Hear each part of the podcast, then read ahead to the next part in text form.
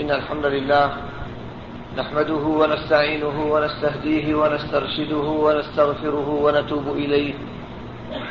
نعوذ بالله من شرور أنفسنا ومن سيئات أعمالنا. من يهدي الله فما له من مضل ومن يضلل الله فما له من هاد. ونشهد أن لا إله إلا الله وحده لا شريك له ونشهد أن محمدا عبده ورسوله خير نبي أرسله. صلوات ربي وسلامه عليه إلى يوم الدين. عباد الله أوصيكم ونفسي الخاطئة بتقوى الله تبارك وتعالى والإنابة إليه. وما توفيقي إلا بالله عليه توكلت وعليه فليتوكل المتوكلون. يا أيها الذين آمنوا اتقوا الله ولتنظر نفس ما قدمت لغد واتقوا الله إن الله خبير بما تعملون. إخوة الإيمان في مثل هذه الأيام من شهر ربيع الأول غادر النبي صلى الله عليه وسلم مكة المكرمة مهاجرا بدينه إلى المدينة المنورة على منورها أفضل الصلاة وأزكى التسليم. لذا رأيت أن أتحدث عن هذه العبادة وأن أتحدث عن هذا الحدث العظيم في حياة المسلمين. الهجرة إخوة الإيمان عبادة فرضها الله على المؤمنين من عباده. إذا أقاموا في بلاد الشرك فعجزوا عن إقامة شعائر دينهم. فإن الله تبارك وتعالى يوجب عليهم أن يهاجروا بأنفسهم وذراريهم من أرض الشرك إلى أرض الإيمان حتى يقيموا دين الله تبارك وتعالى حتى يعبدوا الله تبارك وتعالى كما شرع من غير خوف ولا وجل. عبادة الهجرة عبادة قديمة. مارسها أنبياء الله تبارك وتعالى. فقد هاجر إبراهيم عليه الصلاة والسلام من أرض العراق إلى الشام. وكذلك هاجر معه لوط عليه الصلاة والسلام. فآمن له لوط وقال إني مهاجر إلى ربي. إني مهاجر إلى ربي.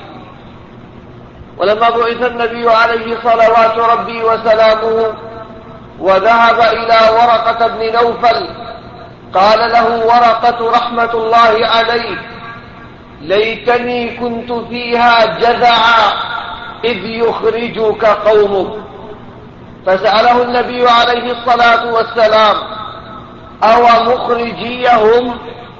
فقال كلمة جامعة عظيمة. قال ورقة لم يأت أحد بمثل ما جئت به إلا أودي إنها سنة الله تبارك وتعالى في الحق في كل زمان ومكان. الباطل لا يطيق أن يرى الحق في أرضه. إن وجود الحق بين ظهراني أهل الباطل يكشف عوارهم. يكشف خزيهم يزيف مبادئهم. إنهم لا يطيقون أن يروا بين ظهرانيهم الفضيلة. لا يطيقون أن يروا الحق. أخرجوا آل لوط من قريتكم. لماذا؟ إنهم أناس يتطهرون. هذه مذمتهم هذه جريمتهم. إنهم أناس يتطهرون.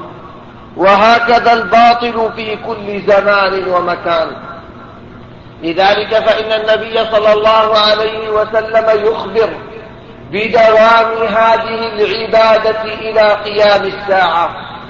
إنها موجودة ما بقي الحق والباطل. يقول عليه الصلاة والسلام لا تنقطع الهجرة حتى تنقطع التوبة ولا تنقطع التوبة حتى تطلع الشمس من مغربها. عبادة باقية ما بقي الزمان والمكان. ما بقي الحق والباطل فإن المؤمنين يهاجرون إلى الله ورسوله. يهاجرون من أرض الكفر إلى أرض الإيمان. عبادة الهجرة إخوة الإيمان. عبادة عظيمة. عظيمة في أجرها. عظيمة في ثقلها على الإنسان. ليست بعبادة يسيرة. أن يترك الإنسان أهله وماله وأرضه وأصدقاءه ثم يخرج إلى أرض أخرى لا يعرف فيها أحد.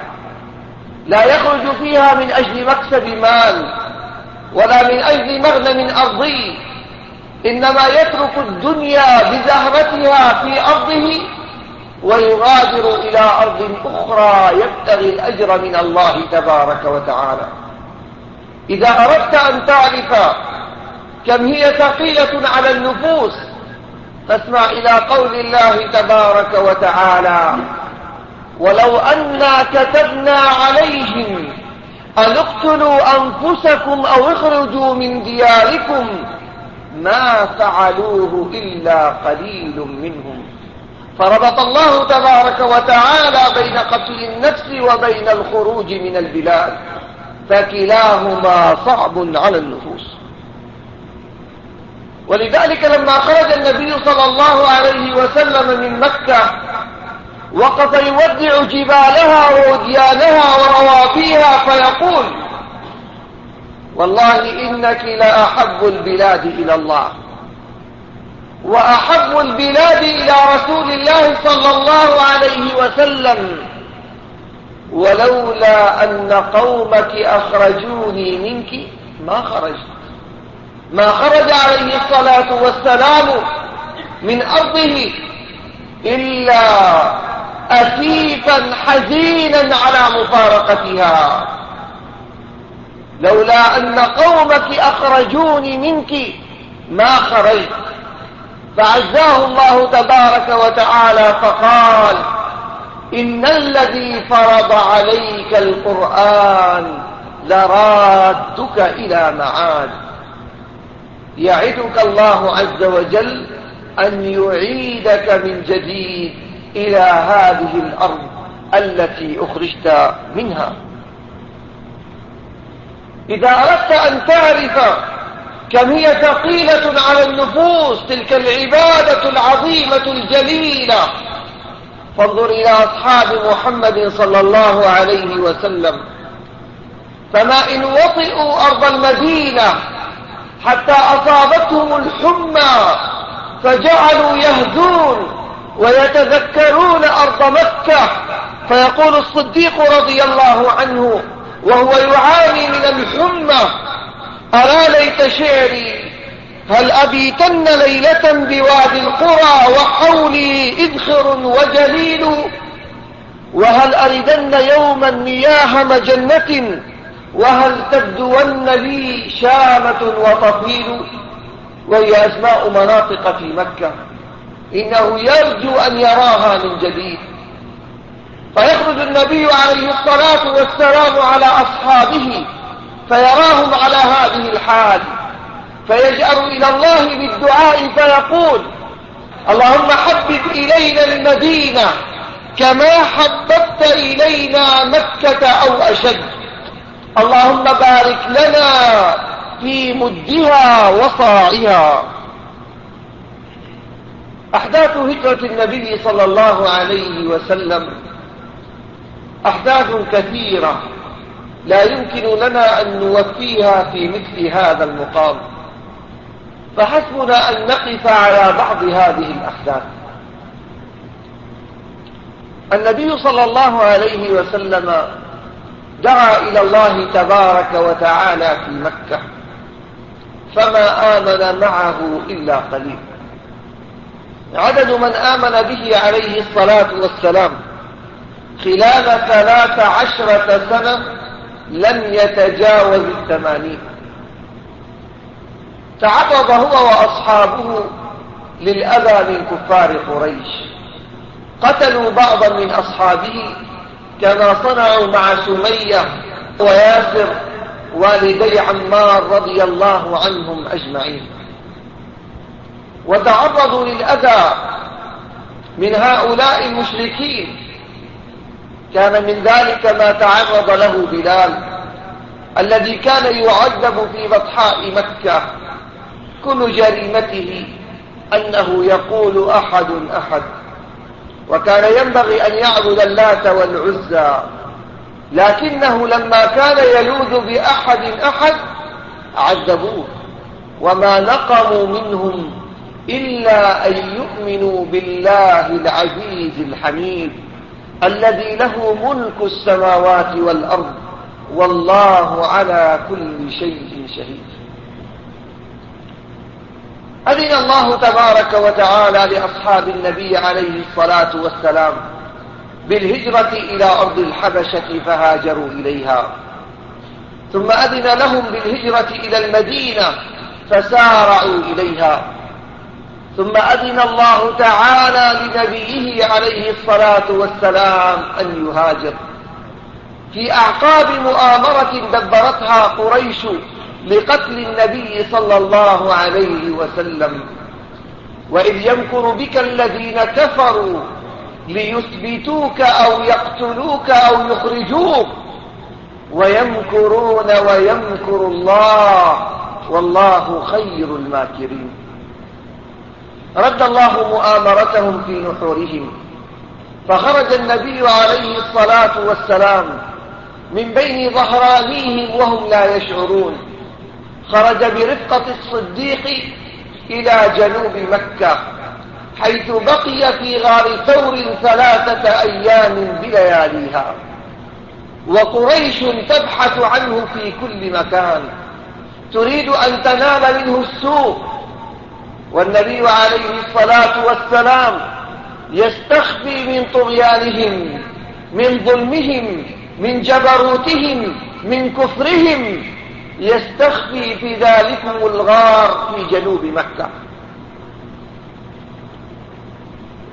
وتصل قريش إلى الغار وفيه النبي صلى الله عليه وسلم وصاحبه صاحبه الذي يخشى عليه.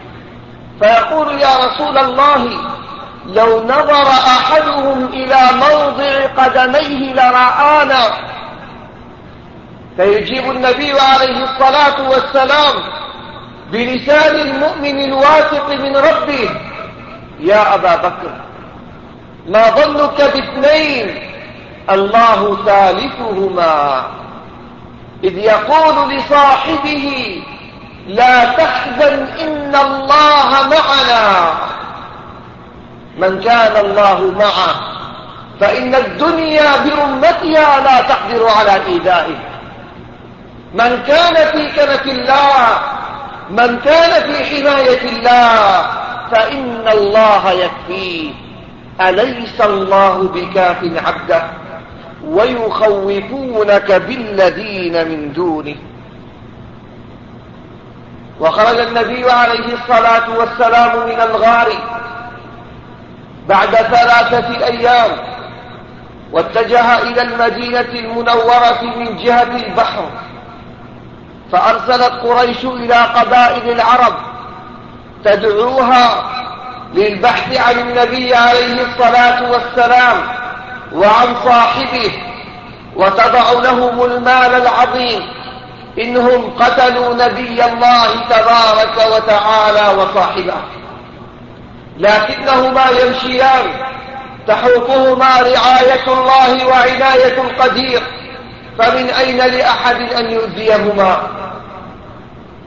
لما جاز النبي صلى الله عليه وسلم قديدا تبعه سراقة بن مالك على فرس له فكان النبي عليه الصلاة والسلام يمشي وصاحبه. صاحبه ساعة يمشي أمامه وساعة يمشي خلفه وساعة عن يمينه وساعة عن شماله.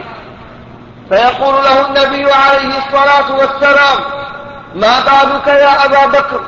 فقال يا رسول الله أتذكر الرصد؟ فأمشي أمامك.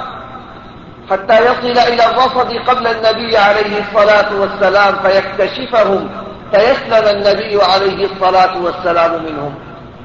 وأتذكر الطلب فأمشي خلفك وأتذكر الكمين فأمشي عن يمينك وعن شمالك. حب للنبي عليه الصلاة والسلام وبذل وتضحية في سبيل هذا الإسلام. ويتبع سراقة بن مالك النبي صلى الله عليه وسلم. والنبي صلى الله عليه وسلم يمشي يقول سراقة وهو يحكي لنا الخبر. وكان النبي عليه الصلاة والسلام لا يلتفت. وكان الصديق يكسر الالتفات وهو يخاف على النبي عليه الصلاة والسلام.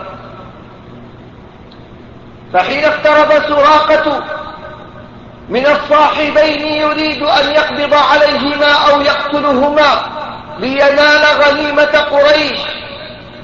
إذا بسيقان فرسه تغور في الأرض. وإذا بدخان عظيم يلامس السماء يحمي محمدا صلى الله عليه وسلم وصاحبه من سراقة. فلما ابتعدوا ما زال سراقة يحاول حتى أخرج سيقان فرسه. فلما قاربهم إذا بالأمر يتكرر وسراقة يمشي حين ذاك على أرض صلدة ليس فيها رمال. كيف تغوص أقدام فرسه إنه لا يدري. لكنه أدرك أن النبي صلى الله عليه وسلم ممنوع. فناداهما بالأمان فجاء إليهما. فقال له يا محمد قد علمت أنك مني ممنوع. فقال له عليه الصلاة والسلام كيف بك يا سراقة إذا ألبست سواري كسرى؟ فكتب له النبي عليه الصلاة والسلام كتابا في ذلك فعاد وهو يحمي ظهرهما فما وجد أحدا يبحث عنهما إلا قال قد كفيتكم ما هنا قد كفيتكم هذا الطريق فابحثوا في طرق أخرى. فكان كما في رواية البخاري كان في أول النهار جاهدا على النبي عليه الصلاة والسلام وكان في آخره مسلحة للنبي عليه الصلاة والسلام أي سلاحا يدافع عن النبي صلى الله عليه وسلم. إنه حماية الله تبارك وتعالى إنه معية الله للمؤمنين إنه تأييده وحفظه لأوليائه الصالحين. أسأل الله عز وجل أن يجمعنا مع حبيبنا صلى الله عليه وسلم في جنات ونهر في مقعد صدق عند مليك مقتدر. الحمد لله وكفى وصلاة وسلاما على عباده الذين اصطفى الذين يبلغون رسالات الله ويخشونه ولا يخشون أحدا إلا الله وبعد. واستمر النبي صلى الله عليه وسلم في طريقه. تحرطه عناية الله وتحرسه رعايته. حتى وصل إلى المدينة المنورة. في يوم أزهر في يوم أغر في الثاني عشر من شهر ربيع الأول في العام الأول لهجرة النبي صلى الله عليه وسلم. وكان المسلمون يخرجون في كل يوم إلى قباء ينتظرون النبي عليه الصلاة والسلام. فإذا ارتفعت الشمس وجاءت الظهيرة رجعوا إلى أهلهم ورجعوا إلى بيوتهم. وفي ذلك اليوم خرجوا ورجعوا وبقي رجل من اليهود يتربص وينظر على حصن له في ذلك المكان. فلما رأى النبي صلى الله عليه وسلم وصاحبه يأتي من بعيد نادى من فوق حصنه يا بني قيلة وهي اسم جدة للأنصار. يا بني قيلة هذا جدكم قد أتى. يا بني قيلة هذا جدكم قد أتى. فانطلق الصحابة رضي الله عنهم يجرون لاستقبال محمد صلى الله عليه وسلم وصاحبه. وكثير منهم من الأنصار رضي الله عنهم لم يكونوا يعرفون النبي صلى الله عليه وسلم. فقام أبو بكر رضي الله عنه يريد أن يعرفهم بالنبي عليه الصلاة والسلام فجلس يقف عند رأسه ويظلل النبي صلى الله عليه وسلم. ووصل عليه الصلاة والسلام إلى أرض قباء. وجاءه حبر من أحبار اليهود. يدعى عبد الله بن سلام. يقول أتيت النبي صلى الله عليه وسلم وهو في قباء. أتيته لأستثبت من وجهه لأنظر إليه. يقول فلما رأيته عرفت أن وجهه ليس بوجه كذاب. فلما رأيته عرفت بأن وجهه ليس بوجه كذاب. حاشاه عليه الصلاة والسلام أن يكون كذلك. لقد رأى عبد الله بن سلام وهو حبر من أحبار اليهود رأى أنوار النبوة تتلألأ على وجه أبي القاسم صلى الله عليه وسلم. وما كان لمثل هذا أن يكون كذابا. يقول فكان أول ما سمعت منه أيها الناس أطعموا الطعام وصلوا الأرحام وصلوا بالليل والناس نيام. تدخلوا الجنة بسلام. حاشا لمن يأمر بمثل هذه المثل أن يكون كذابا. فآمن عبد الله بن سلام رضي الله عن هذا الحبر وأرضاه. وانطلق النبي عليه الصلاة والسلام إلى المدينة المنورة. فكان أول ما بناه فيها أن أقام المسجد النبوي المبارك. أقام ذلك المسجد على أساس من التقوى كما أقام مسجدا مثله على أساس من التقوى على أرض قباء. لمسجد أسس على التقوى من أول يوم أحق أن تقوم فيه. فيه رجال يحبون أن يتطهروا. والله يحب المطهرين. وهكذا إخوة الإيمان. بواسطة الهجرة النبوية الشريفة أقيمت دولة الإسلام. في تلك اللحظة حين وطئ المدينة المنورة محمد صلى الله عليه وسلم قامت دولة الإسلام. قامت دولة التوحيد. قامت حضارة الإسلام. وبدأ عهد جديد في تاريخ الإنسانية. لذلك لما أراد الصحابة زمن عمر رضي الله عنه لما أرادوا أن يؤرخوا للمسلمين أرخوا لهم بهجرة محمد صلى الله عليه وسلم. ذلك أنها أهم الأحداث التي حصلت في حياة النبي صلى الله عليه وسلم. إنه ميلاد حضارة إنه ميلاد أمة الإسلام. نسأل الله عز وجل أن يرفع رايات هذه الأمة وأن يجلي معالم حضارتها وأن يعيدها إلى سابق عهدها. إنه ولي ذلك والقادر عليه. صلوا وسلموا عباد الله على الهادي البشير والسراج المنير. من أمركم ربي بالصلاة والسلام عليه فقال إن الله وملائكته يصلون على النبي. يا أيها الذين آمنوا صلوا عليه وسلموا تسليما. اللهم صل على محمد وعلى آل محمد كما صليت على إبراهيم وعلى آل إبراهيم إنك حميد مجيد. وبارك اللهم على محمد وعلى آل محمد كما باركت على إبراهيم وعلى آل إبراهيم إنك حميد مجيد. عباد الله اذكروا الله العظيم الجليل يذكركم واشكروه على آلائه ونعمه يزدكم ولذكر الله أكبر والله يعلم ما تصنعون.